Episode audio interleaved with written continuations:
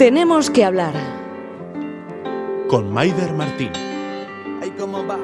Dime, chaval, ¿cómo va? ¿A quién le ha tocado tu parte? ¿Quién será el primero en disparar? ¿Y quién controla? ¿Quién maneja la bola? ¿Cuánto durará el paseo? ¿Quién puede parar la zona?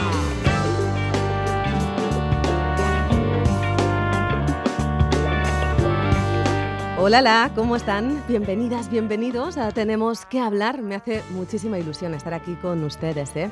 Lo huelen, ¿verdad? Huele a nervios. Bueno, pues son los míos, yo qué sé. Es el estreno, tengan paciencia. Y lo primero que, que quiero hacer es eh, contarles el porqué del nombre del programa. No, no es una bronca sino toda una declaración de intenciones y un juego, porque jugar nos gusta un rato. ¿Cuántas veces les han dicho eso de tenemos que hablar y se han echado a temblar?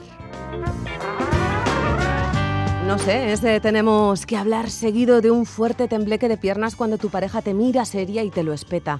Tenemos que hablar, era también lo que nos decía la profesora, cuando nos acaba el pasillo casi de la oreja, para echarnos el enésimo broncón por falta de atención o por subversión quizá.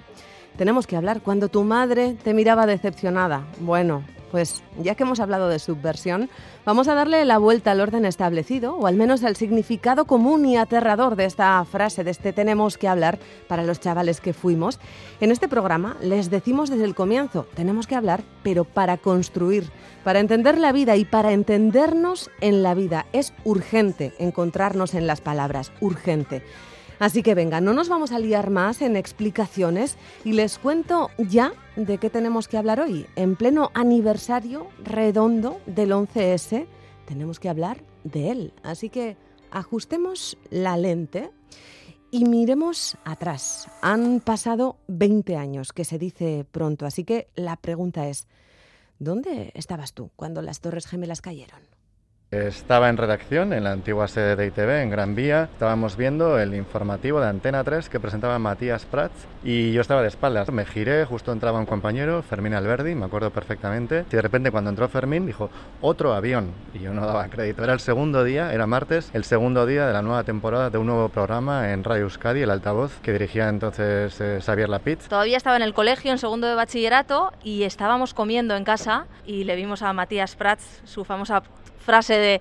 La, la, otra torre, Ricardo, la otra torre, la ha impactado torre. en la otra torre. La otra torre, Ricardo, la otra torre, y ya no nos despegamos de la tele en ningún momento. Quítale 20, pues tenía solo 12 años, había salido del comedor a eso del mediodía y volví a casa, abrí la puerta y me encontré a mi padre pegado a la tele, que no era nada de ver la tele, digo, no sé, qué raro. Pues eso, ver la imagen de las torres y joder, yo me quedé un poco flipado con eso, porque es que la imagen era, era muy fuerte y yo ya me empezaba a interesar por este rollo de, de lo que iba ocurriendo en el mundo. Y de hecho tengo guardado, guardados los periódicos de los días siguientes ahí en un, en un cajón. Pues estaba con una amiga, también periodista, habíamos ido a casa de Ama a comer y nos pusimos a ver el Teleberry. Recuerdo la cara de ella, eh, que además lo puedo decir, es Eva Caballero, que es compañera de esta casa, y Eva y yo mirando el la televisión absolutamente impactadas, nos miramos y automáticamente las dos, como un resorte, nos levantamos, vimos la gravedad de la situación, casi sin darle explicaciones a Ama, bajamos las escaleras y nos vinimos a la radio. Acabas de escuchar a los compañeros Iñaki Espiga, Sonia Hernando, Iñaki Larrañaga y María Suárez. Ellos recuerdan perfectamente dónde estaban en el momento en el que el mundo se paró, o al menos la parte occidental del mundo, cuando estallaron aquellas torres gemelas que ya no están, pero hoy, ahora, en este momento, nos toca rebobinar, echar la vista atrás y poner todo eso en contexto, al detalle. Queremos saber qué ocurrió. Vamos allá. Nueva York, 11 de septiembre de 2001. Son las 8.48 de la mañana. Un Boeing de American Airlines se estrella contra la torre norte del World Trade Center. Ha sido secuestrado poco después de su despegue en Boston.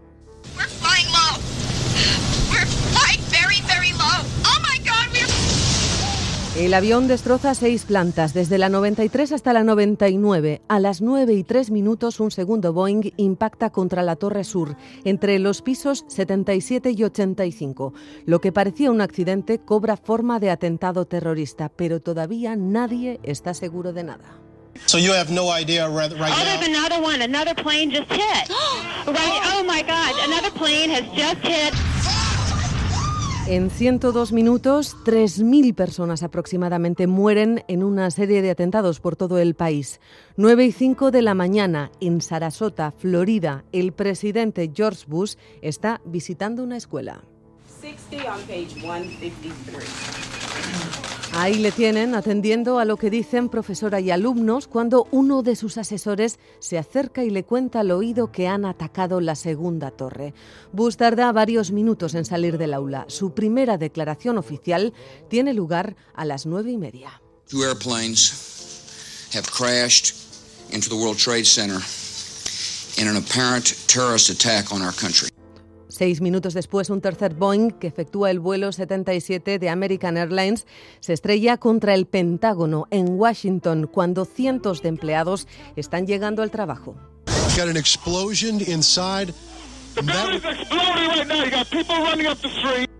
En ese mismo momento en Nueva York las torres siguen ardiendo, desesperados, algunos empleados atrapados dentro saltan al vacío, pero los terroristas no dan tregua a los estadounidenses. Un cuarto Boeing, secuestrado nada más despegar del aeropuerto de Newark, se estrella contra un campo en Pensilvania. Algunos pasajeros del avión están al corriente de lo que ocurre a través de sus teléfonos móviles, plantan cara a los terroristas y evitan que el avión llegue al objetivo, a la Casa Blanca.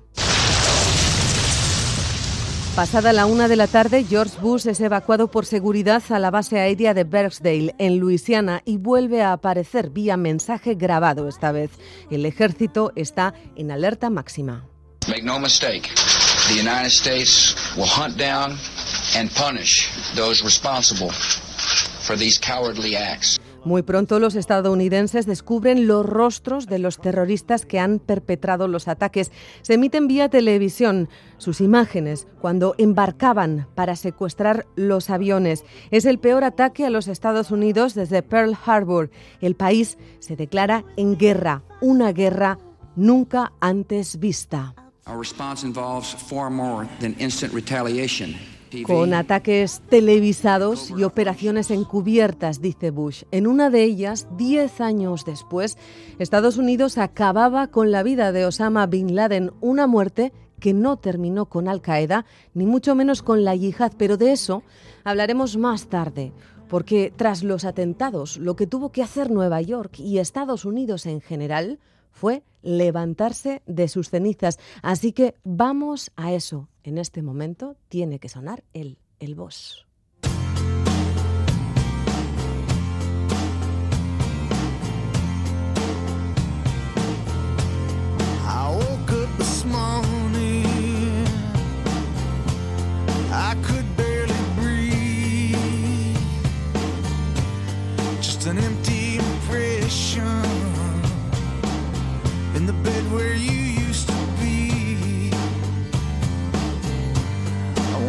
From your lips.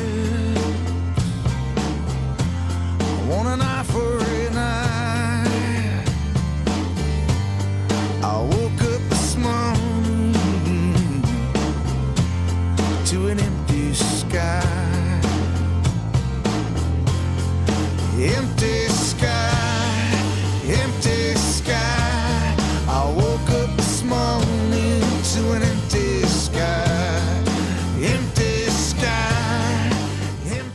de levantarse de sus cenizas fue gracias al trabajo de más de 2.500 personas, desde policías hasta electricistas, pasando por médicos, obreros de la construcción y, por supuesto, bomberos que trabajaban directamente en la zona cero, en lo que hoy es el memorial del World Trade Center, que en minutos, horas y días después de la explosión no era más que un enorme agujero de escombro, polvo y cadáveres. Ellos, los vivos, entraban con el corazón desvencijado y salían exhaustos tras horas de trabajo y había que darles entonces alimento y fuerzas. Eso se consiguió gracias a miles de voluntarios. Uno de ellos, una de ellas, era la bilbaína Teresa Barrenechea, una afamada chef. Llevaba más de 26 años en Nueva York. Regentaba dos restaurantes, los Marichus. Cuando estalló todo, cuando las Torres Gemelas cayeron, ella eh, dejó todo lo que estaba haciendo, de hecho estaba en Bilbao, ahora nos lo contarán, regresó a Nueva York y fue directamente al Muelle 18. Allí se puso a trabajar como cocinera voluntaria en el Spirit of New York, un crucero de lujo que se convirtió en una cantina improvisada en la que dar apoyo y comida a los trabajadores de la zona cero. Teresa Barrenechea. Parece mentira que haya pasado el tiempo, como ha pasado el tiempo. 20 años, 20 años, años. aniversario redondo. Antes que nada, ¿dónde estabas tú cuando estallan las Torres Gemelas? Pues mira, estaba en Bilbao con mis padres. Eh, pues ta- tardé en llegar 48 horas porque mi marido y todos mis hijos estaban en Nueva York. Y bueno, estuve brevemente visitando a la familia aquí. Se interrumpieron todos los vuelos, pero bueno, llegué a las 48 horas. Fue angustioso, te puedes imaginar. Claro, claro. ¿Qué te decía la familia desde allí? Mi marido me llamó, eran las nueve menos cuarto de la mañana. Estaba viendo las noticias porque él estaba todavía en casa y es cuando vieron el primer choque del primer avión y no lo podían creer. Pensaban que era un efecto especial de alguna película. Pues estaban horrorizados. Mi hija Tere, mi tengo cuatro hijos, mi segunda hija estaba ese día haciendo unas entrevistas de trabajo en la calle 23, muy, muy cerca, porque, mm, vamos, cuando, eh, cuando hubo las dos explosiones, no solo se oía, ves- venía el humo y todo el mundo corriendo por las calles, cerraron Grand Central Station, desde donde ya hubiera cogido el tren para volver a casa, porque vivíamos en las afueras. Em, pues ella, por ejemplo, se montó en, en un camión de, de, reparti- de repartidores, de los que repartían verduras por restaurantes. Entonces, bueno, em, fue tremendo. Luego fue andando hasta Harlem. Eso es, es mi hija, pero como mi hija todo el mundo, y, y mucho peor, gente que estaba mucho más cerca aún. Fue, fue tremendo. Tú tardas 48 horas en, en llegar a Nueva York y Ujú. después te remangas y te metes en el Spirit of New York, en ese crucero de lujo que hizo las veces de restaurante y un poco refugio para dar de comer a los trabajadores de la zona cero, ¿no? Bueno, no es que yo me remangara. mm, eh, Está Don Pintabona. Don Pintabona es un, un- un ser maravilloso. Él era el chef Cocinero ejecutivo- también, chef. Sí, sí, sí, sí. El, el chef ejecutivo de Tribeca Grill, que es, eh, es- ya no existe, pero este restaurante era de Robert De Niro. Bien, entonces, en vista de que estaban al lado del World Trade Center, al lado de donde había ocurrido toda la desgracia, y no iban a poder abrir al público, todo eso estaba perimetrado, entonces se le ocurrió una magnífica idea y montó un equipo de voluntarios y ahí daba lo mismo el rango y los galones y las estrellas Michelin y los años que llevaras en la, en la, en la profesión.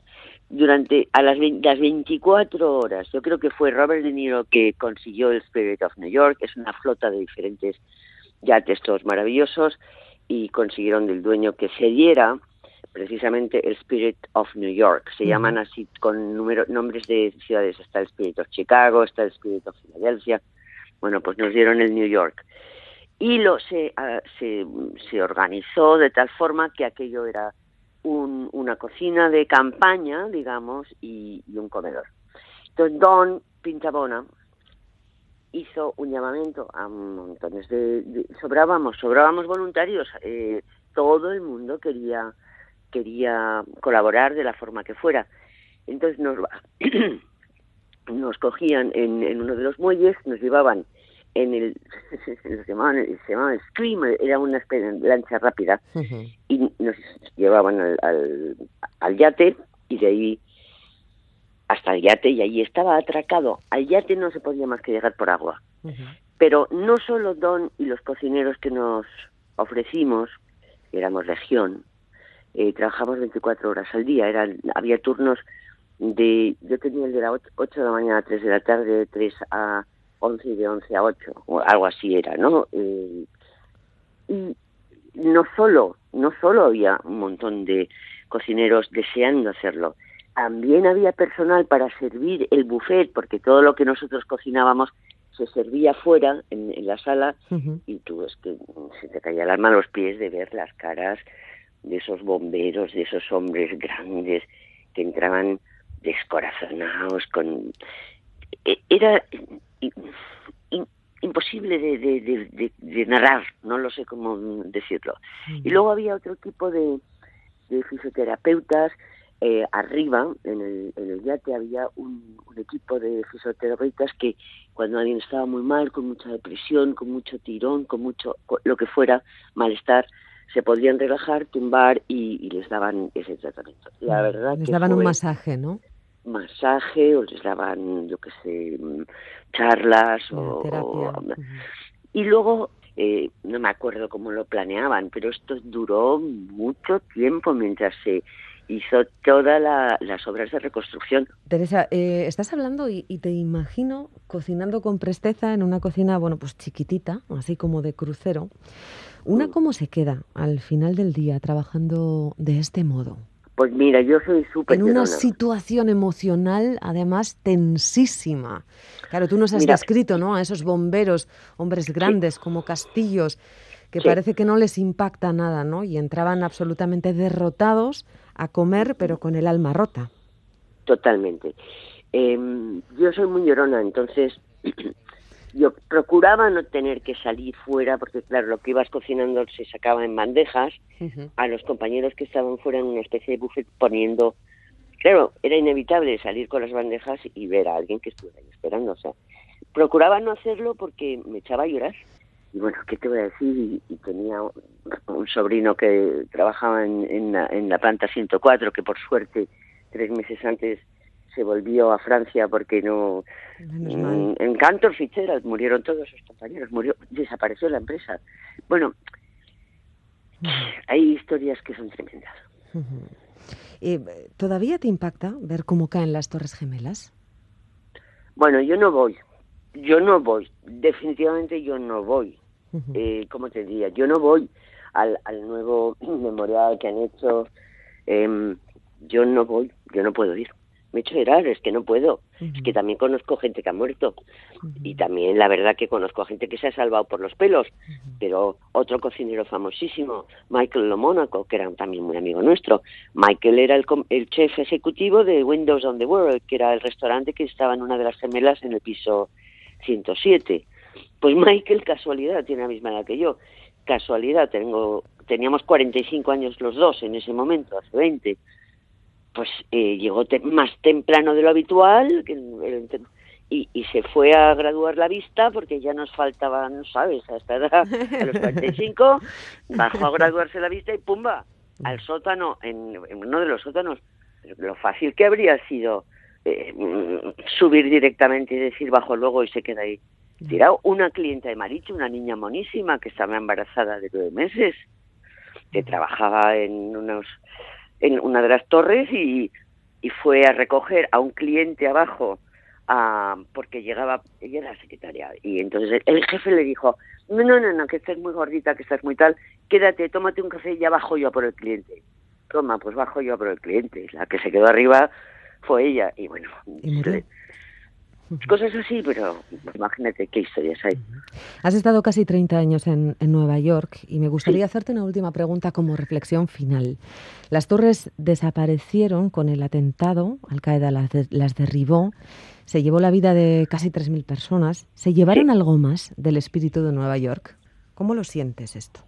Para mí es un antes y un después. Yo, yo, em, no sé, no sé, no lo sé, no, no sé, no sé ponerlo en palabras.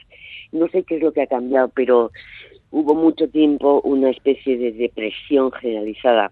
Ha habido mucha gente en terapia para poder superar, es que fue muy, muy gordo lo que pasó. No sé ponerle palabras, pero para mí sí cambió. Es algo muy profundo. Mm. Este impacto fue tan duro que todavía es difícil, 20 años después, ponerlo en palabras. Creo que ese es el, es el gran titular de esta entrevista, Teresa. Teresa Barrenechea, bilbaína, ocupadísima siempre, ahora en Sevilla, muchas veces en Nueva York, trabajando siempre en remoto con Estados Unidos. ¿eh? Es difícil pillarte, pero siempre que insistimos te acabas poniendo. Así que mil gracias por atender nuestra llamada, gracias por, por hablar con nosotras hoy.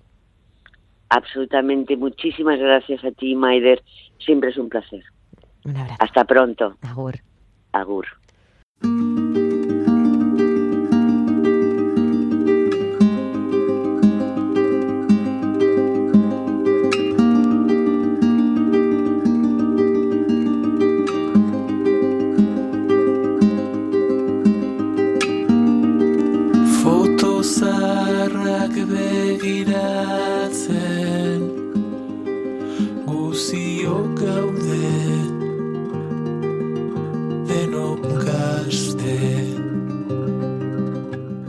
Bastante más jóvenes estábamos hace 20 años.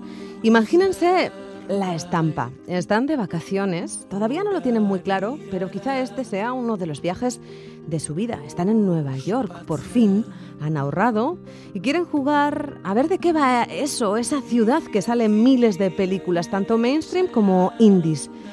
En eso estaba uno de nuestros referentes musicales, Rafa Rueda, paseando por las calles de Nueva York, cuando Al Qaeda perpetró el atentado del 11S, del 11 de septiembre de 2001. Rafa Rueda. No es que ricasco por pasarte por el programa, ¿eh?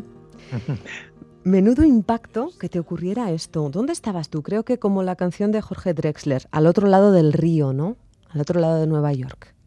Pues sí, eh, fuimos eh, tres amigos eh, de visita turística y estábamos alojados en Newark, que, bueno, basement, un basement de estos de, de unos amigos y, y, allí, desde allí vi todo el percal. ahí, ahí andábamos. ¿Para cuánto tiempo ibas?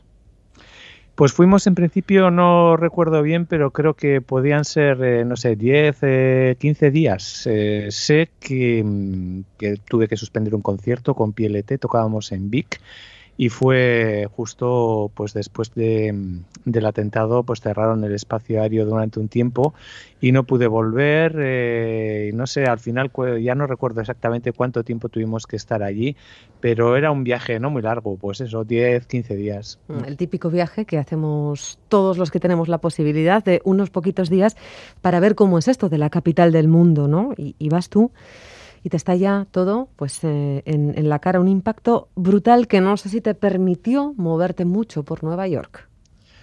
Pues eh, bueno, a partir del atentado, pues no, la verdad mm. es que no nos dejaban entrar a Manhattan, o sea, veíamos todo desde el otro lado del río, es un poco... Eh, pues no sé, como estar en, en las arenas y, uh -huh y, y, Portugalete, pero multiplica por tres o cuatro la, la, anchura del río, igual un poco más, pero se veía todo perfectamente. Y una vez de que ya impactaron los dos aviones, pues eh, no, no, dejaban acceder a Manhattan, pero estuve justo eh, el día anterior. Eh, allí mismo, bueno, comprándome de hecho unos zapatos en, en un centro comercial que había en el World Trade Center, y, y, nada, fue pues bueno, bastante impactante porque mmm, de hecho, eh, bueno, hay una atracción, la gente que igual ha estado en Nueva York que alguna vez ya sabe que ahora no sé si lo han restaurado, pero podías ir en helicóptero entre, entre rascacielos uh -huh. y nosotros pues justamente el día anterior eh, pues está, estuvimos por allí y, el, y el, el, helipuerto estaba detrás de, del World Trade Center en Battery Park y de allí salían eh, los helicópteros y nada pues eh, justo ese mismo día pues bueno, nos dimos el capricho y cogimos un ticket y, y para pues para montar en helicóptero y resulta que que, en cosa de media hora, como era de estas tormentas de verano que hay, pues de, repente se nubló todo, hubo un tormentón del copón y nos dijo pues el chico que nos vendió la, los tickets, bueno, tranquilos, venid mañana a la mañana que también estará bonito y tal, pues así veis el amanecer eh, desde, de, desde el helicóptero y tal, y, y así quedó. Eh, porque al día siguiente pues pasó lo que pasó, ¿no? Y así quedó hasta hoy, claro. Y estoy pensando, Rafa, que si tú veías todo lo que estaba ocurriendo desde el otro lado del río, tienes que tener eh, imágenes guardadas en tu retina muy llenas de humo, ¿no? Fue bastante, bueno, impactante, eh, bueno, pues ver todo eso en directo, ¿no? Eh, recuerdo que pasé por eh, eh, una tienda de, de, electrodomésticos llena de televisiones y de repente pues vi que estaba, eh, estaba la torre, una torre ardiendo, o las uh -huh, dos, no recuerdo uh -huh. bien, pero dije, Buah, o sea, qué, qué sobrados son estos eh, estadounidenses, porque no sé, me pareció que era la típica película de Batman o alguna cosa sí. de estas Y nada, no le di más importancia, están todas las teles con la misma imagen, entré en una cafetería y de repente eh, pues me di cuenta de que estaban todos llorando, mirando la televisión y ahí fue cuando me, di cuenta de que era real, o sea que algo había pasado en las Torres Gemelas, pero, pero bueno, pues eh, todavía en shock, eh, pues me seguí tomando mi café, seguí desayunando y ya pues después, a un, rato después de desayunar, dije, bueno, pues voy a, voy a llamar a casa. Eh, claro, había que decir que estabas bien, ¿no? Claro, claro. Y nada, pues salí, encontré una cabina desde la que se veían perfectamente las torres eh, gemelas y vi todo aquello. Y llamé a casa, me costó contactar eh, y según estaba hablando con mi, con mi ama, pues se cortó la comunicación y vi, me imagino que sería la primera torre, ya no recuerdo bien, pero vi cómo se caía. Y bueno, pues es algo que, vamos, eh, no sé, pues son cosas de esas que se te quedan grabadas eh, para toda la vida, ¿no? Mm. No sé qué siente uno cuando ve a día de hoy las imágenes de, la caída de las torres. Hombre, pues ahora mismo, después de tanto tiempo, ya no sabes, pierdes un poco la perspectiva. Eh, mm, no sé, es, en realidad era la primera vez que, que a un país como Estados Unidos hmm. pues eh, le castigaban en su casa, ¿no? Porque tanto eh, recordamos todos los días, eh, el, bueno, todos los años, digamos, el, el 11S, a toda la gente le choca, pero es que, vamos, Estados Unidos al de poco, que también me pilló en Nueva York, por cierto, en Irak o en Afganistán más tarde, eh, pues también iniciaron guerras y bombardearon eh, países eh, y ciudades en las que realmente bueno murió mucha más gente de la que de la que falleció en el World Trade Center y tampoco no sé no o sea no le no le damos tanta importancia a esa parte pero bueno pues hay que reconocer que, el impacto de las Torres Gemelas pues bueno tiene su eco mediático y con después de 20 años ya a veces no sé si si, es un recuerdo o, o sea, lo tengo un poco medio difuso. En su momento también hice, hice algunas entrevistas con el tema y hablé bastante sobre aquello, pero llevaba un tiempo ahí sin recordar y cuando recibí la invitación pues eh, me, puse un poco a recopilar un poco anécdotas y cosas de, aquellos días. Mm. Por cierto, 20 años después, ¿has tirado esos zapatos que te compraste en el World Trade Center? Sí, sí. Eh, bueno, ayer, eh, de hecho, me preguntaron a ver si tenía guardado el ticket de, del helicóptero. ¿Y eso lo guardas? Pues no, pero pero vamos, la verdad es que, que sí, los, los zapatos aquí los rompí muy a gusto, además. y pero ahora, pues la verdad es que pienso que, bueno, quizás igual los debía haber, eh, bueno, conservado, no sé, como, como fetiche o no sé. Bueno, si no lo hiciste por algo fue, no lo necesitabas. Rafa Rueda, uno de nuestros músicos favoritos, a quien tenemos que hablar. Gracias por haber sido nuestros ojos es que ricasco Benetan en este 11S de 2001. Ahora, en 2021. Cuídate mucho. Es que soy. Estamos pronto, Agur.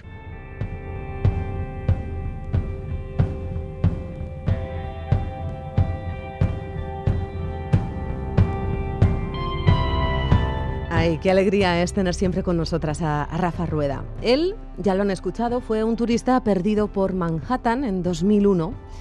Y entre tanto, nosotros aquí pues también estábamos perdidos y necesitábamos una guía para vivir, para ver y sobre todo para entender lo que estaba sucediendo al otro lado del charco. En EITV esa guía fue Olat Arrieta. Entonces era nuestra corresponsal en Estados Unidos. Quizás recuerden esto momentos el alcalde de Nueva York que está hablando ante la prensa y parece ser que no, aquí la gente no quiere dar todavía números exactos, todo el mundo dice que es terrible, se habla, se habla de miles de muertos, se dice que en el momento de la explosión, en, el momento en el que los aviones chocaron contra las Torres Gemelas había 10.000 personas dentro, con lo cual después de que se... hizo todo lo que pudo para acercarse a la zona cero, trató de saltarse el precinto de seguridad, trató de informar lo más de cerca posible, eso cuando Internet no era lo que es ahora y no existía ni WhatsApp, ni Telegram, ni otras redes sociales que nos facilitan muchísimo la comunicación. A pesar de que todo eso no existía, eh, consiguió informar, vaya que sí, para Radio Euskadi, Euskadi Ratia y ETV. Pero por esto, por informar en estas condiciones, también se paga un peaje. En tres semanas perdió 10 kilos de la tensión y estuvo meses sin poder ver las imágenes del derrumbe de las Torres Gemelas porque se echaba a llorar, aunque esto nunca se muestre ni se demuestre ante las cámaras. Hola Zarrieta, ¿quién te avisó de lo que acababa de, de ocurrir?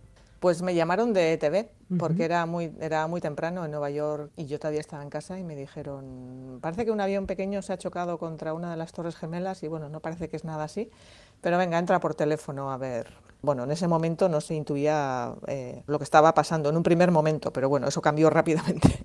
Eh, entiendo que en ese momento es cuando tú quieres acercarte, acercarte a la zona y qué ocurre, porque claro, eh, Nueva York estaba devastada. Todas las mañanas cogía el tren de la línea E, que tiene la última parada en el World Trade Center, que es la, la última parada, la, que, la parada de metro que está debajo de las Torres Gemelas, y, y, normalmente yo para las nueve ya estaba mm, en la oficina que estaba cerca de, de, de Wall Street, pues en, pues en, en la vecindad, ¿no? Donde están las Torres Sí. Gemelas. Y ese día, pues eh, me acuerdo que era un día precioso, que había hecho calor y pues no, pues nos habíamos dormido.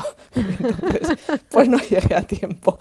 No cogía la hora que cojo siempre el metro eh, para ir allí, ¿no? Y entonces, bueno, me pilló sin estar en Manhattan. Mm, Era difícil porque habían cortado los metros, habían cerrado los puentes, estaba todo prácticamente incomunicado, ¿no? Desde ETV, desde Radio Euskadi, Euskadi Ratia, intentaban contactar conmigo, pero no, no funcionaban los teléfonos.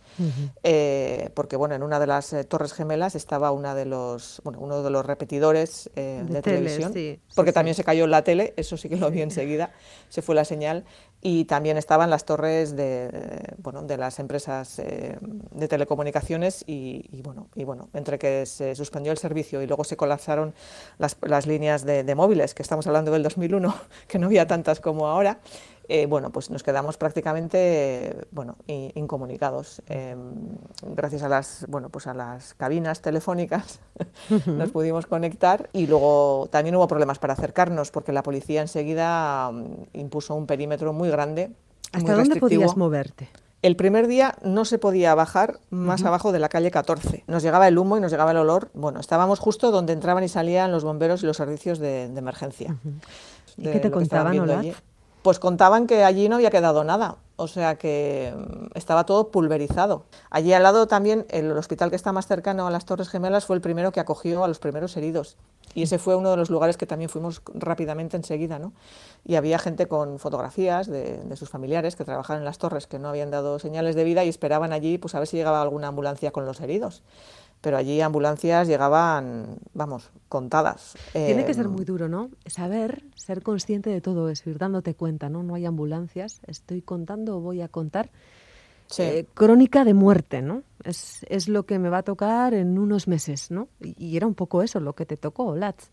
Sí, y yo me acuerdo que el Ayuntamiento de Nueva York, el alcalde, que entonces era Rudolf Giuliani, estuvo Sí. diciendo que, que- que seguramente había mínimo 5.000 muertos. Y entonces la información al principio era muy confusa, porque también, también decían que había todavía más aviones que estaban volando por Estados Unidos y en los que los pilotos habían perdido el control de los aparatos y se podían estrellar contra cualquier objetivo. Entonces las primeras horas fueron de eso, de mucha confusión y también de miedo, porque pensabas, bueno, ¿dónde va a caer el siguiente avión? ¿Cómo de en riesgo York? estoy?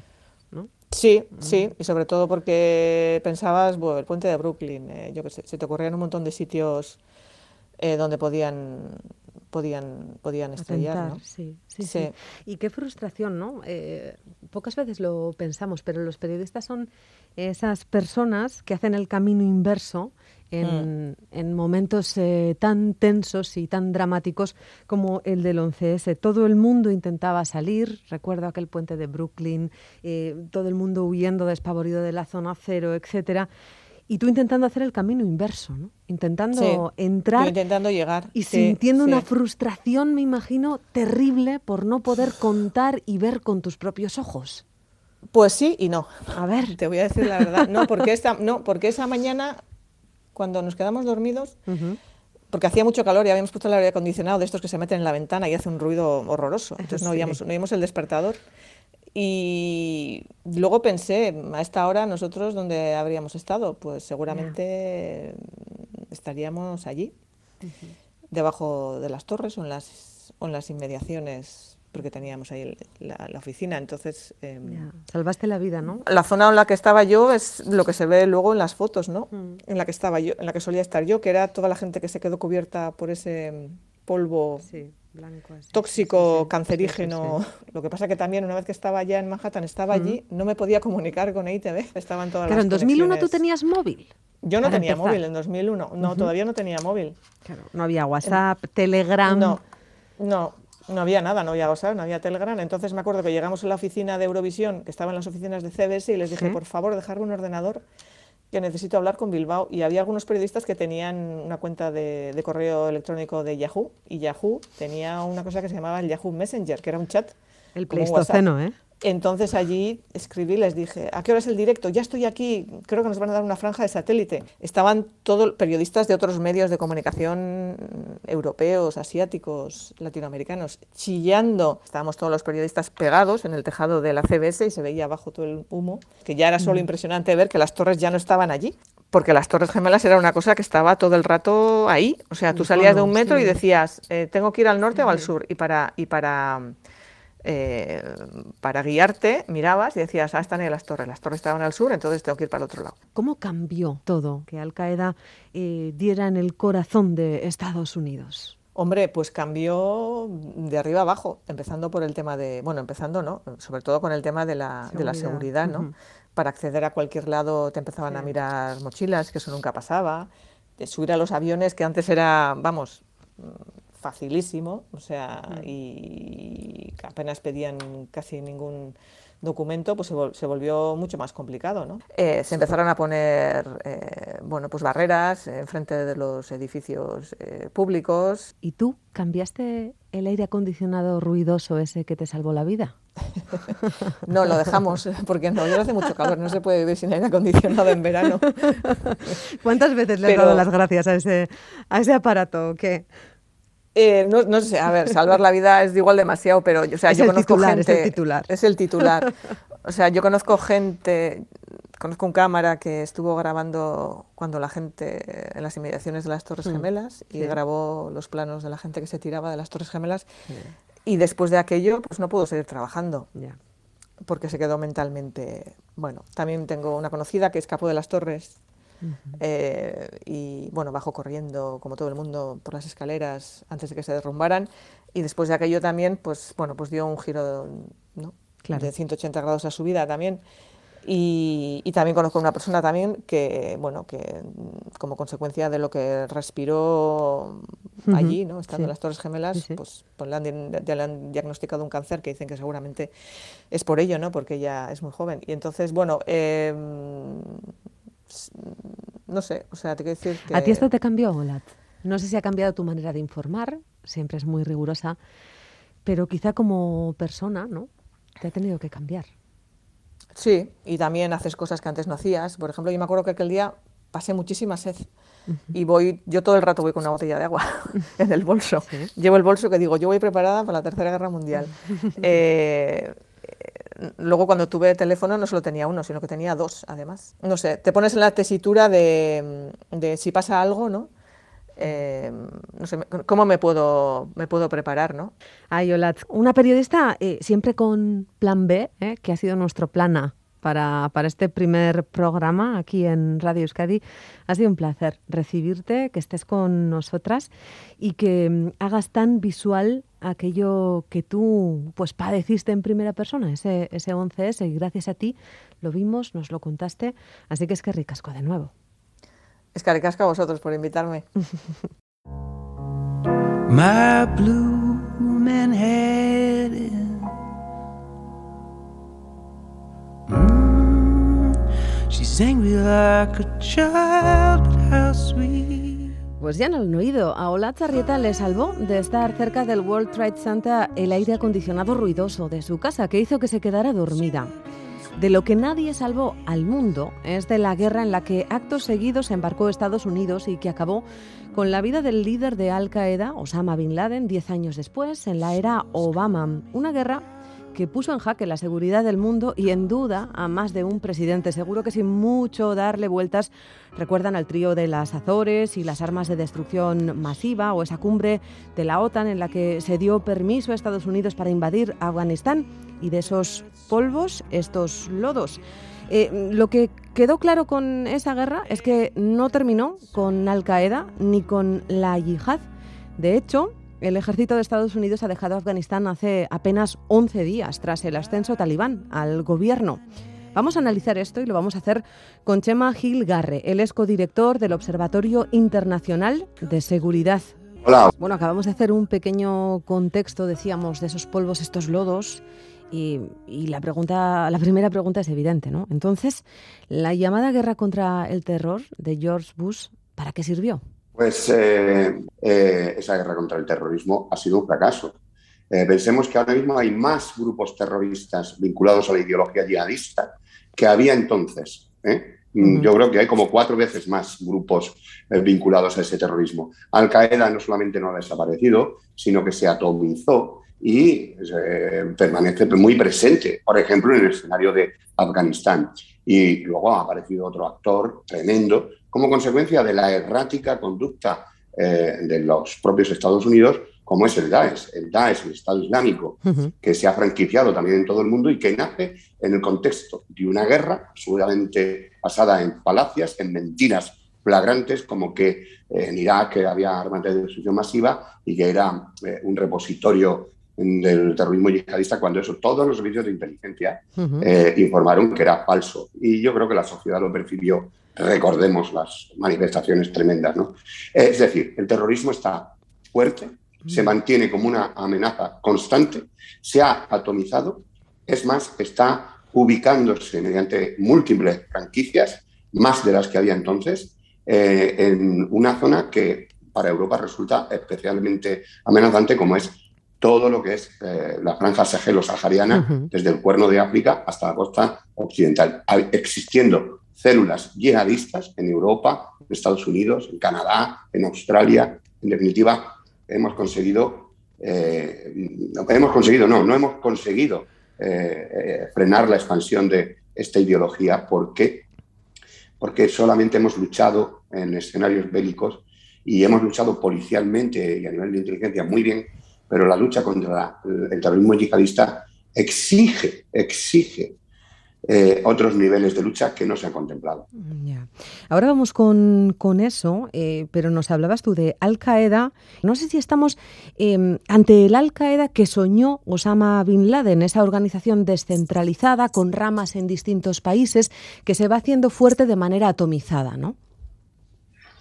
Pues sí, eh, en realidad mm, Al Qaeda como el propio Daesh, lo que buscan, eh, digamos que la mirada teleológica, ese objetivo último y final, es la conquista de un califato global eh, eh, para que exista una umma, una comunidad mundial, que se rija bajo los parámetros de su raquítica interpretación del Islam y bajo su, la raquítica interpretación de lo que ellos llaman Sharia o ley islámica. Nada que ver con lo que sería un, un profundo y verdadero sentimiento religioso. el hecho religioso que ellos, eh, desde el que ellos parten, eh, lo cierto y verdad es que les lleva a ver el mundo como algo a conquistar y especialmente les lleva a ver un mundo occidental que es para ellos un enemigo, un enemigo infiel, que además eh, les ha sometido. Entonces eso, por eso recurren, por ejemplo, al imaginario del Al-Ándalus. Ellos manejan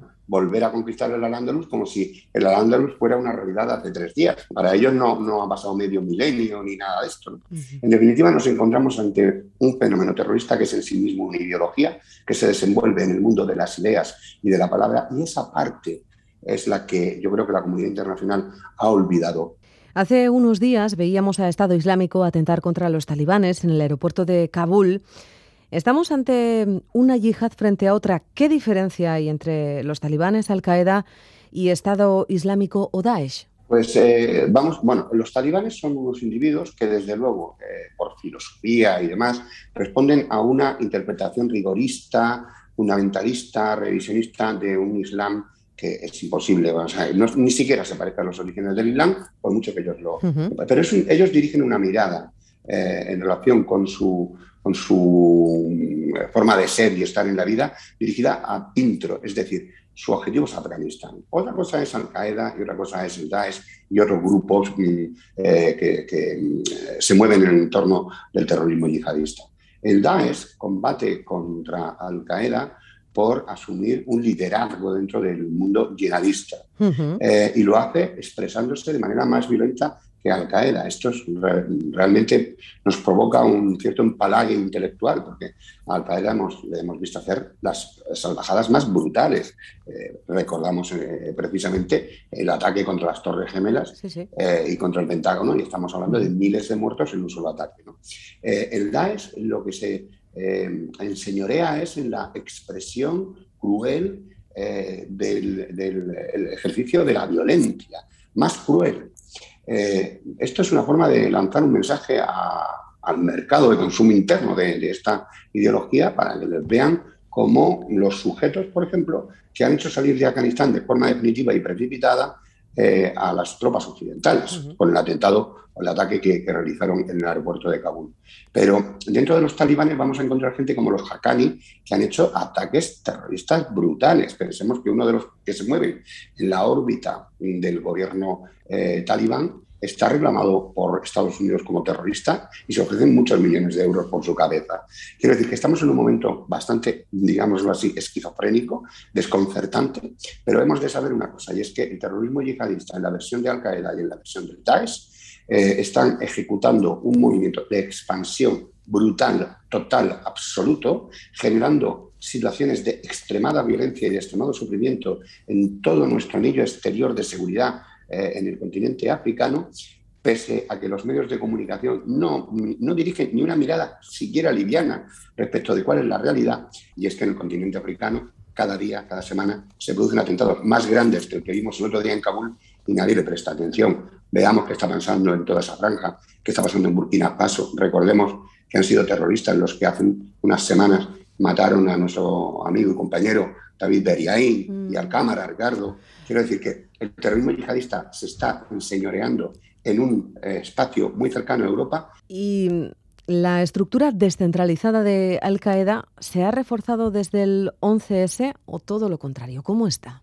Yo creo que sí, yo creo que tenemos una caída muy fuerte.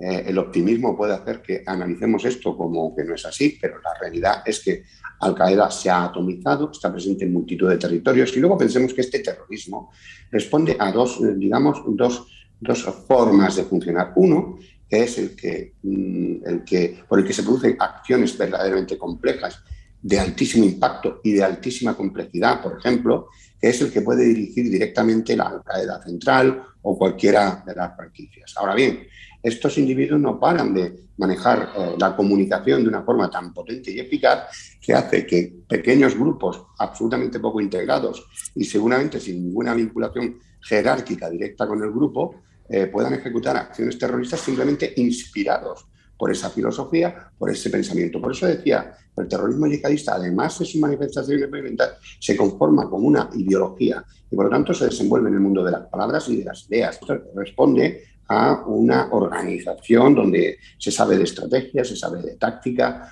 Después de lo ocurrido con Afganistán, es una amenaza que se empodera, que, se crece y que eh, se autovalora de una manera excepcional. Por lo tanto, no debemos descartar que se vayan a producir ataques de alta o baja complejidad organizativa en el ámbito occidental, porque en el ámbito africano, del Oriente Medio y demás, se han seguido produciendo. Hablas de la posibilidad de nuevos ataques, bien, por acabar en, al menos en neutro. ¿Qué hemos aprendido del 11S y del posterior 11M? Bueno, hemos aprendido cosas, ¿eh? hemos ¿Sí? aprendido a identificar bueno. mejor, a saber más, a saber más, porque sobre estos, este enemigo, sobre esta amenaza que es líquida y difusa, sobre una amenaza que se desenvuelve eh, en redes sociales. Esto quiere decir que enfrentamos un fenómeno que ha ido modernizándose con los tiempos y que además sabe utilizar nuestras fortalezas como si fueran debilidades. Esto quiere decir, ¿podemos ser optimistas frente a este fenómeno? Absolutamente digo, no podemos ser optimistas. Eh, eh, sabemos que pueden existir medidas de lucha de medio y largo plazo que pueden resultar exitosas? Las sabemos. ¿Están los estados dispuestos, a, además de la lucha policial, militar, etcétera, es decir, esa lucha más inmediata que se debe mantener, ¿están dispuestos los estados a abordar políticas de medio y largo plazo para conseguir, mm, en fin, reducir todo esto? Yo creo que no. Los, nuestros, es más, eh, esa es nuestra debilidad. Nuestros políticos son cortoplacistas, miran delante de su nariz, no tienen más tiempo que el de elección a elección, mientras que estos señores manejan el tiempo de una, de una forma diferente. En este entorno siempre se dice que nosotros tenemos los relojes, pero ellos tienen el tiempo. Y eso es muy profundo. Hmm.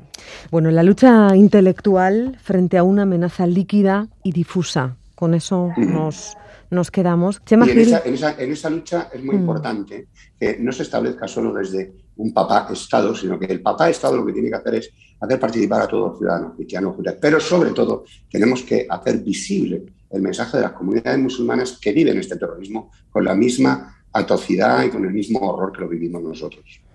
Chema Gil Garre, que sé que has hecho un esfuerzo importante por estar con nosotras hoy, ¿eh? el el director del Observatorio Internacional de Seguridad. Mil gracias por haberte pasado por el programa. Ha sido un placer, un abrazo muy grande.